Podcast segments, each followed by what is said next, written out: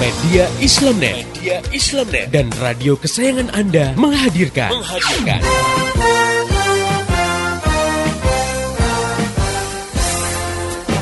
Voice of Islam. Voice of Islam. Voice of Islam. Di satu sisi diyakini bahwa perbuatan judi dan semua bentuk kemaksiatan itu diharamkan oleh Islam. Itu juga banyak yang sudah tahu. Namun di sisi lain, umat Islam sendiri tidak memiliki kemampuan untuk melarang kegiatan seperti itu. Karena sebenarnya kalau orang paham Islam, maka tidak akan dia punya pendapat wanita harus bekerja karena Islam tak pernah mewajibkan wanita untuk bekerja yang wajib bekerja itu laki-laki hmm, karena mereka iya. wajib menanggung nafkah keluarganya. Jadi sebenarnya hukumnya wanita bekerja itu mubah, hmm, boleh ya, jadi tidak dosa. Pemanfaatan tenaga nuklir apabila dipergunakan untuk kemaslahatan umat seperti penggunaan sektor non energi dan energi tersebut, maka hukum Islam memperbolehkan bahkan menganjurkan. Namun apabila digunakan untuk tenaga nuklir yang sifatnya menghancurkan kehidupan, dan menimbulkan kerusakan di muka bumi, misalnya seperti senjata nuklir, maka hal ini tersebut haram hukumnya. Allah Subhanahu wa taala mencela tindakan merusak dan orang-orang yang membuat kerusakan di muka bumi.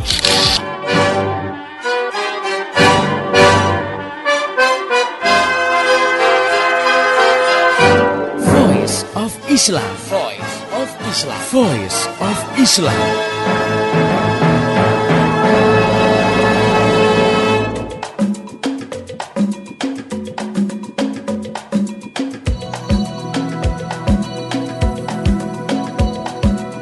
Halo Indonesia, Assalamualaikum warahmatullahi wabarakatuh. Jumpa lagi dengan saya Purwaryandi dalam program Voice of Islam Kerja bareng Media Islamnet dengan radio kesayangan Anda ini. Selama setengah jam ke depan, Voice of Islam akan menemani sobat muda sekalian Dalam rubrik yang muda yang bertakwa. Sebuah rubrik yang didedikasikan untuk anak muda sekalian Kamu-kamu yang gaul, kamu-kamu yang ikutin tren Kamu-kamu yang seneng terhadap sesuatu yang baru. Insya Allah tetap dalam sudut pandang Islam. Kali ini kita akan bahas mengenai uh, nangis di kalangan cowok. Aneh nggak sih? Sobat muda, saya nggak sendiri tentunya. Di depan saya sudah hadir Ustadz Iwan Januar. Beliau adalah seorang penulis buku remaja. Baik, kita sapa dulu. Assalamualaikum Ustadz. Waalaikumsalam warahmatullahi wabarakatuh. Ya, sobat muda sekalian Dari dulu kita selalu dikesankan Bahwa yang namanya cowok Itu pantang nangis. Nggak boleh yang namanya cowok itu mencucurkan air mata Ya, yang cuma yang boleh nangis ya paling cuma cewek. Kata film bahkan filmnya sudah sempat dibikin Boys Don't Cry. Hmm. ada film ada bukunya ya Ustaz tapi kalau kita lihat di sekeliling kita nggak jarang. Juga kita lihat cowok pada nangis. Apalagi kalau lagi muhasabah biasanya. Oke sobat muda intinya apa yang kita bahas kali ini boleh nggak sih cowok nangis? Tetap bersama saya Purwaryandi dan Ustadz Iwan Januar. Setelah yang satu ini tetap setia di Voice of Islam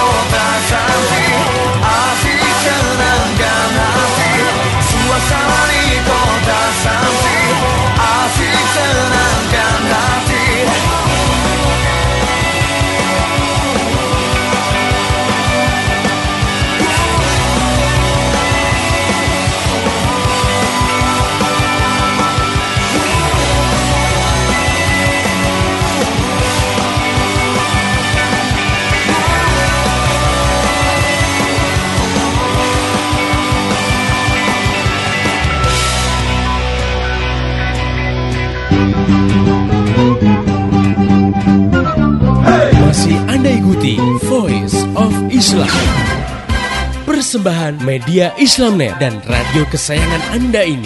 Voice of Islam. Voice of Islam. Voice of Islam.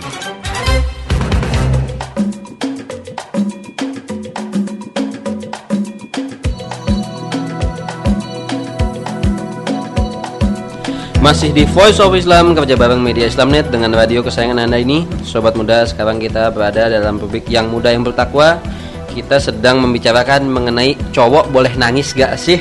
Gitu. Saya Purwa Ariandi dan Ustadz Iwan Januar Tetap akan menemani kamu semua kurang lebih 30 menit ke depan. Nah Ustadz kita tadi sudah sempat membicarakan sedikit Bahwa ada mitos di nggak tahu ya di Indonesia apa di mana-mana kayak di mana-mana ya. mana-mana, iya. mitos bahwa yang namanya cowok itu nggak boleh nangis. Kita sering lihat bahwa yang namanya anak kecil cowok kalau nangis sama orang tuanya pasti diomelin cowok mah nggak boleh nangis nggak boleh cengeng. Gitu katanya Ustaz. Sebenarnya mitos ini satu yang tepat ya sih Ustaz? Hmm. Baik Mas Andi dan sobat muda pendengar, eh, kalau kita ngomongin masalah cowok pantas nggak nangis, memang ini mitos yang udah lama eh, tertanam di dalam manusia, termasuk kaum muslimin dan juga remajanya. Cowok nggak boleh tuh nangis. Tadi seperti Mas Andi bilang, kalau ada anak kecil ya cowok dia nangis kata orang tuanya, udah anak lagi jangan nangis, nggak pantas nangis, kayak anak perempuan aja. Ah, ada kesan kayak begitu ya. Eh, sampai-sampai akhirnya banyak cowok nahan diri nggak mau nangis gitu kan karena tengsin malu. Peng- pengennya jaim jaga image wah gue jantan nih jangan nangis gitu. Kalau kakinya keinjek aja. Nah gimana nih kalau kayak begini? Ah ini ternyata para psikolog atau ahli kejiwaan melihat di antaranya Profesor Bernard Kapp ahli sejarah dari University of Warwick dia bilang rugi banget kalau cowok itu menahan-nahan diri untuk menangis. Nah tuh. Karena ternyata menahan tangisan itu beresiko untuk kesehatan ya.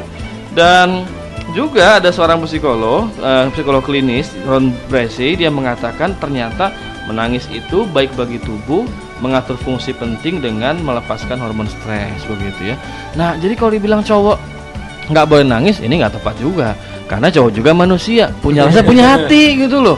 Bukan cuman cewek yang punya kelenjar air mata bukan cuman cewek yang punya perasaan dan segala macam. Jadi memang cowok juga itu oke-oke aja menangis. Dia juga bisa menangis ya. Ada waktunya dia memang menangis ya meneteskan air mata kan sering kita lihat ya. Di tengah-tengah kita lah temen atau orang tua atau siapa pun ternyata walaupun laki-laki air matanya menetes ada yang mengalir ya ada yang membanjir gitu kan.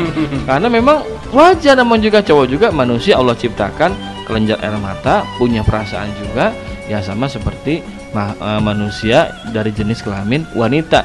Hanya mungkin memang cowok secara emosional itu lebih tahan lebih resist dibandingkan dengan perempuan. Jadi kalau mungkin perempuan ada masalah dikit kesinggung nangis. Kalau cowok mungkin ya nggak nangis tapi marah gitu ya. Nonjok temennya yang menyinggung gitu kan. Beda memang ya. Tapi kalau dikatakan apakah cowok nggak boleh nangis? Enggak cowok juga dia punya hak ya untuk menangis karena dia juga punya ya kemampuan yang sama sebagai sebagaimana manusia untuk meneteskan air mata. Oh jadi yang namanya nangis itu tadi kata menurut para psikolog itu yang namanya nangis itu sehat ya Ustaz? Sehat begitu. Jadi tadi katakan oleh Benar Kap ya nangis itu kalau ditahan berisiko untuk kesehatan. Yang kedua juga kata Ron Bracey psikolog klinis dia bilang nangis itu mengatur fungsi penting dengan melepaskan hormon stres. Jadi kalau orang itu menahan tangisan justru stresnya berkepanjangan karena nggak tumpah gitu. Nah kalau dia menangis lepas. Ya misalkan dia ditinggal eh, meninggal oleh kedua orang tua kalau dia tahan itu jadi malah jadi berkecamuk dalam dadanya. Tapi kalau dia lepaskan dengan tangisan ah, maka itu akan lepas beban yang ada dalam jiwanya ah, sehingga dia merasa lebih tenang tuh lebih baikkan setelah dia ah, mengucurkan air mata itu Oh gitu ya Ustadz ya. Berarti kalau gitu yang namanya cowok sah-sah aja dong kalau nangis ya. Oh, sah dan nggak pantas dilarang. Menangis itu hak manusia.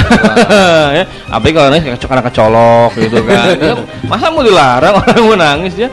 Jadi ketawa aja nggak boleh dilarang, ya menangis juga nggak dilarang. Tapi tentu, nah nanti ya kita mau bilang nih di sini menangis pada masalah apa dulu. Kalau misalkan menangisin uh, kematiannya Ariel Sharon ya, misalkan menangisi kematiannya George Bush itu ya oh loh kita remaja muslim kok nangisin jenazah orang yang udah jelas-jelas bikin uh, rugi umat Islam ya atau selebritis meninggal ikut nangis sampai gitu kan ya merata padahal saudaranya juga bukan ya. Dapat warisan juga enggak mungkin Kenal juga enggak iya ya? mungkin karena nggak dapat warisan jadi nangis begitu ya. Nah, jadi ada walaupun nangis itu sah aja tapi ah, harus dilihat dulu nangis dalam masalah apa gitu ya. Kalau misalkan diputusin cewek nangis ya itu kan sebetulnya nggak apa kenapa? Sudah. Ya mungkin kita sering bahas ya namanya pacaran juga nggak boleh putus nangis ya nggak nggak inilah nggak pantas ya. Atau misalkan ya menangis gara-gara nggak lulus ujian karena nggak bisa nyontek ya itu juga nggak pantas tuh ditangisin. Jadi ada hal-hal yang harusnya kita uh, itu tang tangisi karena itu wajar dan manusiawi kita menangis tapi juga ada hal-hal yang nggak boleh dong kita menangis di situ. Ya kalau cuman kesinggung dikit menangis ya itu berarti berlebihan lah. Terlalu emosional ya. Nah kita harus jadi orang yang bisa menangis tepat pada waktunya dan tepat sasarannya.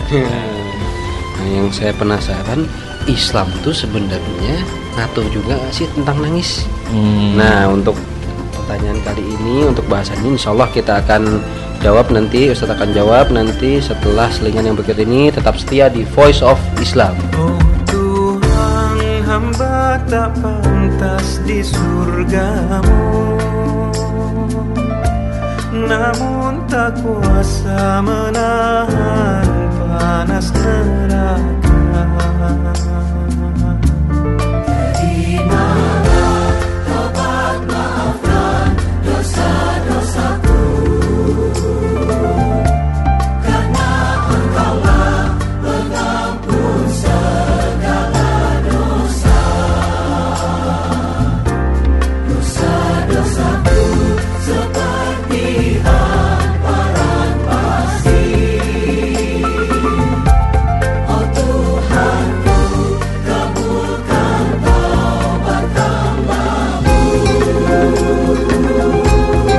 Masih di Voice of Islam kerja bareng media Islamnet dengan radio kesayangan anda ini. Sobat muda dari tadi Ustadz Iwan Januar sudah menjelaskan panjang lebar tentang yang namanya nangis. Dari sudut pandang psikologi, sudut pandang kesehatan dan sudut pandang sudut pandang lainnya. Termasuk sudut pandang si buta dari gua hantu Nah tadi saya sudah sempat menyinggung sedikit Islam ngatur juga nggak sih tentang nangis gitu? Wah, mungkin orang ada yang mikir, masa nangis aja harus pakai ayat Quran gitu. Ini kalau nangis sesuai dengan ayat Quran surat berapa nih? Ayat ke berapa? nangis. nah, tapi itulah hebatnya Islam ya. Islam itu sampai mengatur masalah menangis karena menangis kan ekspresi emosi ya. Nah, emosi itu jangankan nangis, marah juga harus diatur. Nah, nangis juga ternyata Allah dan Nabi sudah mengatur dalam masalah apa kita pantas menangis dan seperti apa tangisannya. Misalkan ya, yang pertama bahwa pantas aja lah kalau kita sebagai seorang muslim itu menangis manakala mendapatkan musibah seperti kematian orang yang dikasihi. Imam Muslim meriwayatkan bahwa suatu ketika salah seorang putra Nabi Wasallam sakit keras. Kemudian anak ini dipangku oleh Nabi Sallallahu Alaihi Wasallam, sedangkan nafas anak itu telah tersengal-sengal ya. Lalu meneteslah air mata Rasul SAW membasahi pipi. Sahabat beliau Sa'ad bin Ubadah semoga Allah meridhoinya yang melihat hal itu bertanya dengan keheranan, apakah air mata ini ya Rasulullah? Ya, mengapa saat bertanya? Karena saat pernah mendengar Rasul melarang orang itu untuk meratapi kematian eh, keluarganya. Tapi Rasul menjawab, air mata itu bukti rahmat yang telah diletakkan Allah dalam hati hambanya. Sesungguhnya Allah akan mengasihi hamba-hambanya yang berkasih sayang pada sesamanya. Nah, pada waktu misalkan ya saudara kita ada yang meninggal ya orang tua atau mungkin teman dekat kita meninggal kalau kita meneteskan air mata tanda kita berkasih sayang pada orang yang sudah meninggalkan kita itu justru dianjurkan. Sebagai tanda kita ada rasa cinta kepada orang yang telah uh, mendahului kita. Dan tadi kata Nabi Allah akan mengasihi orang-orang yang berkasih sayang pada uh, sesamanya. Nah, jadi kalau kena musibah lalu air mata menetes itu satu hal yang wajar gitu ya. Demikian pula kalau kehilangan sesuatu ini barang ya. Misalkan ya kehilangan ya handphone ya baru beli udah model terbagus itu kan belum lunas cicilannya gitu ya. Hilang gitu ya. Menangis ya itu juga cukup wajar lah gitu ya. Lalu yang kedua bahwa menangis itu yang dianjurkan nih dianjurkan itu menangis karena ingat dosa takut pada Allah. Nabi SAW itu pernah bersabda dalam satu hadisnya la yalijun nara rajulun baka min khasyatillah hatta ya'udal labanu fil darra'i Nabi bilang tidak akan disentuh oleh api neraka seseorang yang menangis karena takut kepada Allah. Kecuali ada air susu yang masuk ke dalam payudara seorang wanita. Kan nggak mungkin ada asi masuk lagi ke dalam uh, tete ibunya kan nggak mungkin. Artinya apa? Kalau ada orang dia ingat dosa takut pada Allah sama air mata menetes subhanallah. Itu tidak akan disentuh oleh api neraka. Nah kita pernah nggak begitu nih ya habis nyontek nangis itu kan kenapa nyontek ya, kenapa nangis nyontek Oh karena nyontek nangis bukan tadi salah contekannya. nah, itu beda urusan kok itu ya. tapi tapi harusnya tuh kita budayakan perasaan takut dan malu kalau kita itu berbuat dosa. Jangan bikin dosa malah ketawa ketiwi gitu kan bangga cerita sama teman-teman. Wah tadi malam eh, gue nyolong sukses loh. Wah kalau kayak gitu Allah cabut nanti berbagai macam kenikmatan. Tapi kalau kita menangis karena ingat pada dosa, takut pada Allah, subhanallah. Allah akan jaminkan tidak akan disentuh oleh api neraka begitu. Terus yang berikutnya adalah yang juga dianjurkan menangis pada waktu membaca atau mendengar Al-Qur'an. Imam Bukhari dan Muslim meriwayatkan bahwa suatu ketika Nabi SAW mendengar salah seorang sahabatnya yaitu Abdullah bin Mas'ud semoga Allah meridhoinya membaca Al-Qur'an. Begitu mendengar bacaan Quran Abdullah bin Mas'ud seketika beliau mencucurkan air mata. Ini subhanallah ya. Kita kayaknya belum nih. Kalau baca Quran atau dengar Quran sampai air mata menetes. Mungkin kalau kecolok tunjukannya kecolok ketunjukannya mungkin baru menangis itu ya. Padahal ini salah satu perbuatan atau tangisan yang sangat dicintai oleh Allah Subhanahu wa taala. Malah para ulama mengatakan bahwa salah satu adab dalam membaca Quran adalah menangis. Kenapa? Kalau ada kita baca ayat tentang surga, kita menangis karena rindu kepada surga. Kita ketika baca ayat tentang azab, kita menangis karena takut dengan azab Allah. Baca ayat tentang hari kiamat, kita menangis karena takut ya menghadapi gambaran dahsyatnya hari kiamat. Ini termasuk juga eh, adalah yang dianjurkan menangis pada waktu membaca Al-Qur'an ya. Dan banyak para sahabat yang mereka sering kali menangis pada waktu membaca Al-Qur'an. Lalu berikutnya menangis pada waktu kita membaca bacaan doa dan juga ayat Quran di waktu sholat. Nabi Muhammad SAW itu sering kali ketika sedang sholat seperti terdengar suara air matang dalam teko itu, jadi bergemuruh. Karena ternyata adalah suara tangisan Rasul tidak tahan membaca ayat-ayat Quran lalu meneteskan air mata. Nah, jadi ini adalah tangisan-tangisan yang dianjurkan oleh agama kepada kita. Jadi kalau mau menangis ya harus tepat pada ininya, pada sasarannya. Jangan menangis pada hal-hal yang tadi ya dilarang agama gitu kan. Pada menangis pada hal yang tidak pantas kita tangisin ya. Tapi cobalah menangis pada hal-hal yang tadi sudah kita bahas karena itu yang dianjurkan oleh Allah dan oleh Nabi SAW. Oke sobat muda sekalian tadi Ustadz Iwan Januar sudah menjelaskan mengenai yang namanya nangis juga ternyata diperintahkan oleh Allah Salah satunya adalah menangis karena takut terhadap dosa dan takut pada Allah. Iya. Nah, Ustadz, bagaimana caranya menumbuhkan perasaan itu, Ustadz? Karena sebagai remaja, sebagai anak muda, banyak yang nggak takut. Jangankan takut sama dosa sama Allah. Kadang-kadang dikasih azab aja masih cuek gitu, dikasih cobaan masih cuek gitu, nggak sadar-sadar. Iya. Gini ya, jadi uh, semua berpulang kepada keimanan kita. kita iman nggak bahwasanya hidup di dunia ini kan fana sementara itu harus diimani betul karena faktanya banyak. Iya ya kita main ke kuburan deh. Itu banyak kalau kita lihat ba- baca batu nisannya. Ada yang umur muda udah meninggal. Ada yang masih anak-anak udah meninggal. Bahkan juga mungkin ada saudara kita teman kita yang meninggal. Nah kalau kita pikir mati berarti hidup ini ada ujungnya ada batasnya. Dan kalau sudah mati itu nggak urusan nggak beres. Ada nanti yang namanya pertanggungjawaban di hadapan Allah Subhanahu wa taala. Coba kita bayangkan kalau misalkan besok atau Natal sore atau mungkin satu jam lagi kita akan dicabut nyawa oleh malaikat Israel. Siap gak kita gitu kan? Masya Allah. Harusnya kita munculkan keyakinan dalam diri kita bahwa kita ini akan berpulang loh kepada Allah. Jadi walaupun kamu tuh masih muda nih, sobat muda nih ya, tapi yang namanya mati gak akan usia muda. Oh, dia masih muda, masih lama expire date-nya begitu ya. Nah, ini nggak ada. Yang namanya kematian itu memang sudah merupakan rahasia Allah yang bisa kapan datang kapan saja. Nah, jadi dalam hal inilah ya pertama harus tanamkan dulu bahwa hidup dunia ini sementara dan fana. Kita bakal ber- berpulang kepada Allah dan ketika berpulang kepada Allah itu ada yang namanya nanti pertanggungjawaban hisap atas segala perbuatan kita.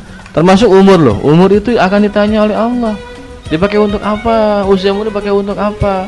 Badan kita, ya, tangan, kaki, mata, telinga itu akan ditanya nanti oleh Allah Subhanahu wa taala. Nah, kalau kita bayangkan ke sana dan kita yakin itu pasti bakal terjadi, harusnya muncul perasaan takut kepada Allah Subhanahu wa taala. Nah, salah satu tips yang bisa kita lakukan supaya kita muncul perasaan takut pada Allah ingat mati supaya ingat mati sering-sering datang takziah. Kalau ada misalkan ya orang yang meninggal tetangga kita datang tuh ke sono ya. Kalau bisa kita bantu kita mandikan gitu kan. Oh ternyata nih orang ini yang dulu masih hidup tadi sore masih senyum-senyum sekarang udah nggak bisa senyum lagi badannya udah dingin kita antar ke liang lahat ya kita ikut makamkan. Subhanallah bahwa sudah nggak lagi bergerak nggak berdaya upaya. Dengan sering kita mendatangi eh, orang-orang yang kena musibah harusnya itu menimbulkan perasaan takut kepada Allah karena kita akan mati dan berpulang kepada Allah juga tadi banyak musibah itu harusnya kita mikir gitu kan Oh, tsunami, gempa bumi, segala macam penyakit, masya Allah.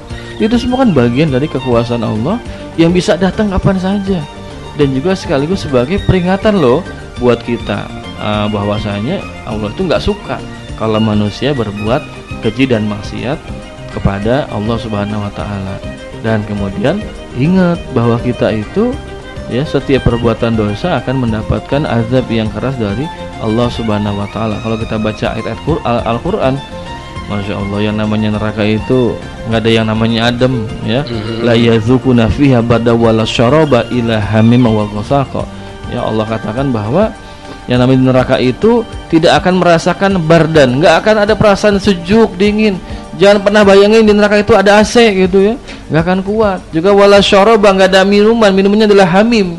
Hamim itu adalah air nanah yang mendidih yang bergolak masya Allah jadi kita harus yakin bahwa ada tempat yang akan dikembali akan kita berpulang ke sana. Kalau nggak surga neraka. Nah di neraka masya Allah itu adalah tempat yang paling buruk yang akan diberikan oleh Allah pada orang-orang yang berbuat maksiat kepadanya.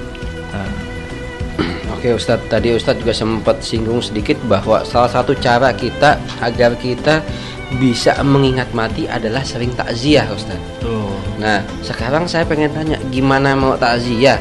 Banyak anak muda sekarang, jangankan anak muda, yang udah tua pun banyak juga yang nggak punya empati, mm-mm. gitu, yang nggak punya rasa, rasa, rasa apa ya, kasih sayang, rasa perhatian terhadap sesamanya, entah itu sesama muslim atau sesama manusia, Ustaz. Nah inilah ya salah satu eh, hal yang harus kita rubah nih ya bahwa yang namanya hidup di dunia ini kan harus memikirkan juga orang lain.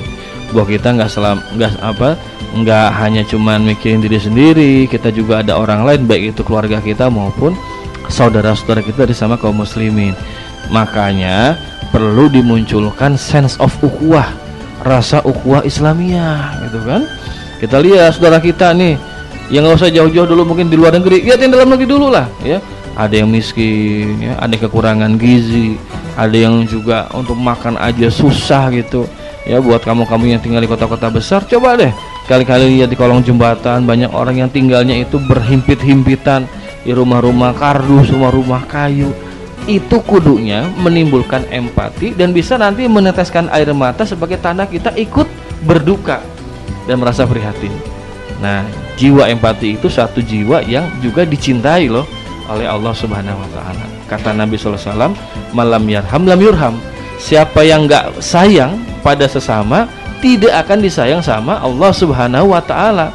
Kalau seorang muslim punya rasa cinta dan kasih pada sesama itu bukti bahwa dia itu hatinya masih dijaga dan disayangi oleh Allah Subhanahu wa taala. Nah, kalau sudah muncul kasih sayang, insya Allah air mata itu mudah menetes buat kamu yang cowok ataupun yang cewek akan mudah menetes karena ingat kepada penderitaan saudara-saudara kita. Bahwa kita hidup ini gak sendiri ada orang lain dan malah juga kata Nabi Muhammad SAW orang yang cuek sama saudaranya itu nggak diaku sebagai umat Muhammad SAW Nabi bilang man asbaha lam yahtam bi ambil muslimina laisa minhum. Siapa yang bangun di pagi hari nggak mikirin urusan kaum muslimin bukan golongan mereka mau nggak itu kalau kita mau diaku sebagai umat Muhammad Ayo dong tunjukkan kasih sayang, teteskan air mata karena kita cinta dan berikan bantuan yang kita bisa. Oke sobat muda, jadi bagi kamu-kamu cowok-cowok yang mau dianggap gentle, mau dianggap jantan, tetap jangan takut netesin air mata. Uh. Tapi untuk satu yang tepat. Ya sobat muda sekalian, kita juga akan menampung usulan-usulan kamu semua, baik usulan-usulan rubrik atau usulan-usulan pembahasan atau masalah-masalah yang ingin kamu bahas silahkan kirimkan surat ke radio-radio kesayangan kamu ini atau kamu bisa juga SMS ke 085694924411 atau kamu juga bisa kirim email ke mediaislamnet@yahoo.com. Saya Purwa Ariandi dan seluruh kerabat kerja yang bertugas mengucapkan banyak terima kasih pada Ustadz Iwan Januar. Sama-sama. Terima kasih juga kepada kamu semua yang telah setia mendengarkan acara ini dari awal hingga akhir. Pesan kita sampaikan apa yang kamu dengar ke teman-teman kamu semua. Insya Allah ini akan menjadikan pahala bagi kamu semua. Dan esok hari insya Allah Voice of Islam akan kembali hadir di waktu yang sama dan gelombang sama. Mari menimbang masalah dengan syariah. Assalamualaikum warahmatullahi wabarakatuh. Info teknologi, info info teknologi. Berikut info dari konsultan komputer Purwa Purwa Ariandi. Info teknologi, info teknologi.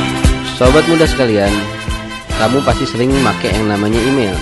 Ada beberapa hal yang bisa kamu lakukan agar email kamu ini bermanfaat dan gak bikin masalah di kemudian hari. Di antaranya ialah yang pertama, jangan meneruskan spam atau surat berantai. Kamu sendiri pasti sebel dong kalau dikirimin spam kayak gini. Misalnya seperti kalau kamu nggak nerusin kepada sekian orang, kamu akan seperti ini seperti ini akan ketiban sial dan lain sebagainya. Kamu aja sebel, apalagi yang lain.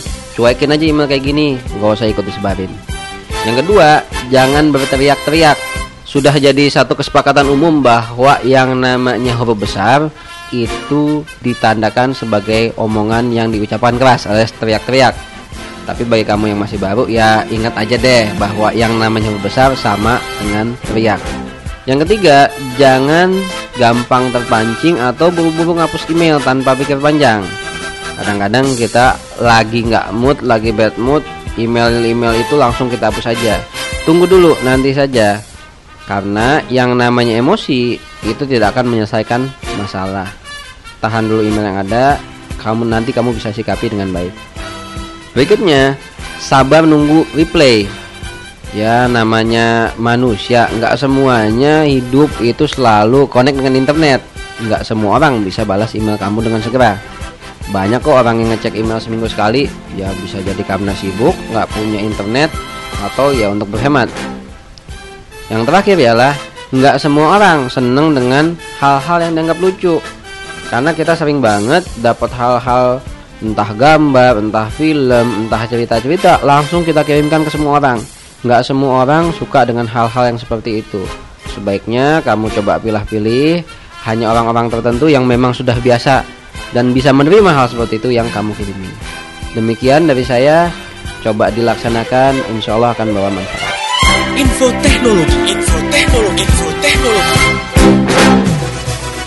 Demikian tadi Voice of Islam. Voice of Islam.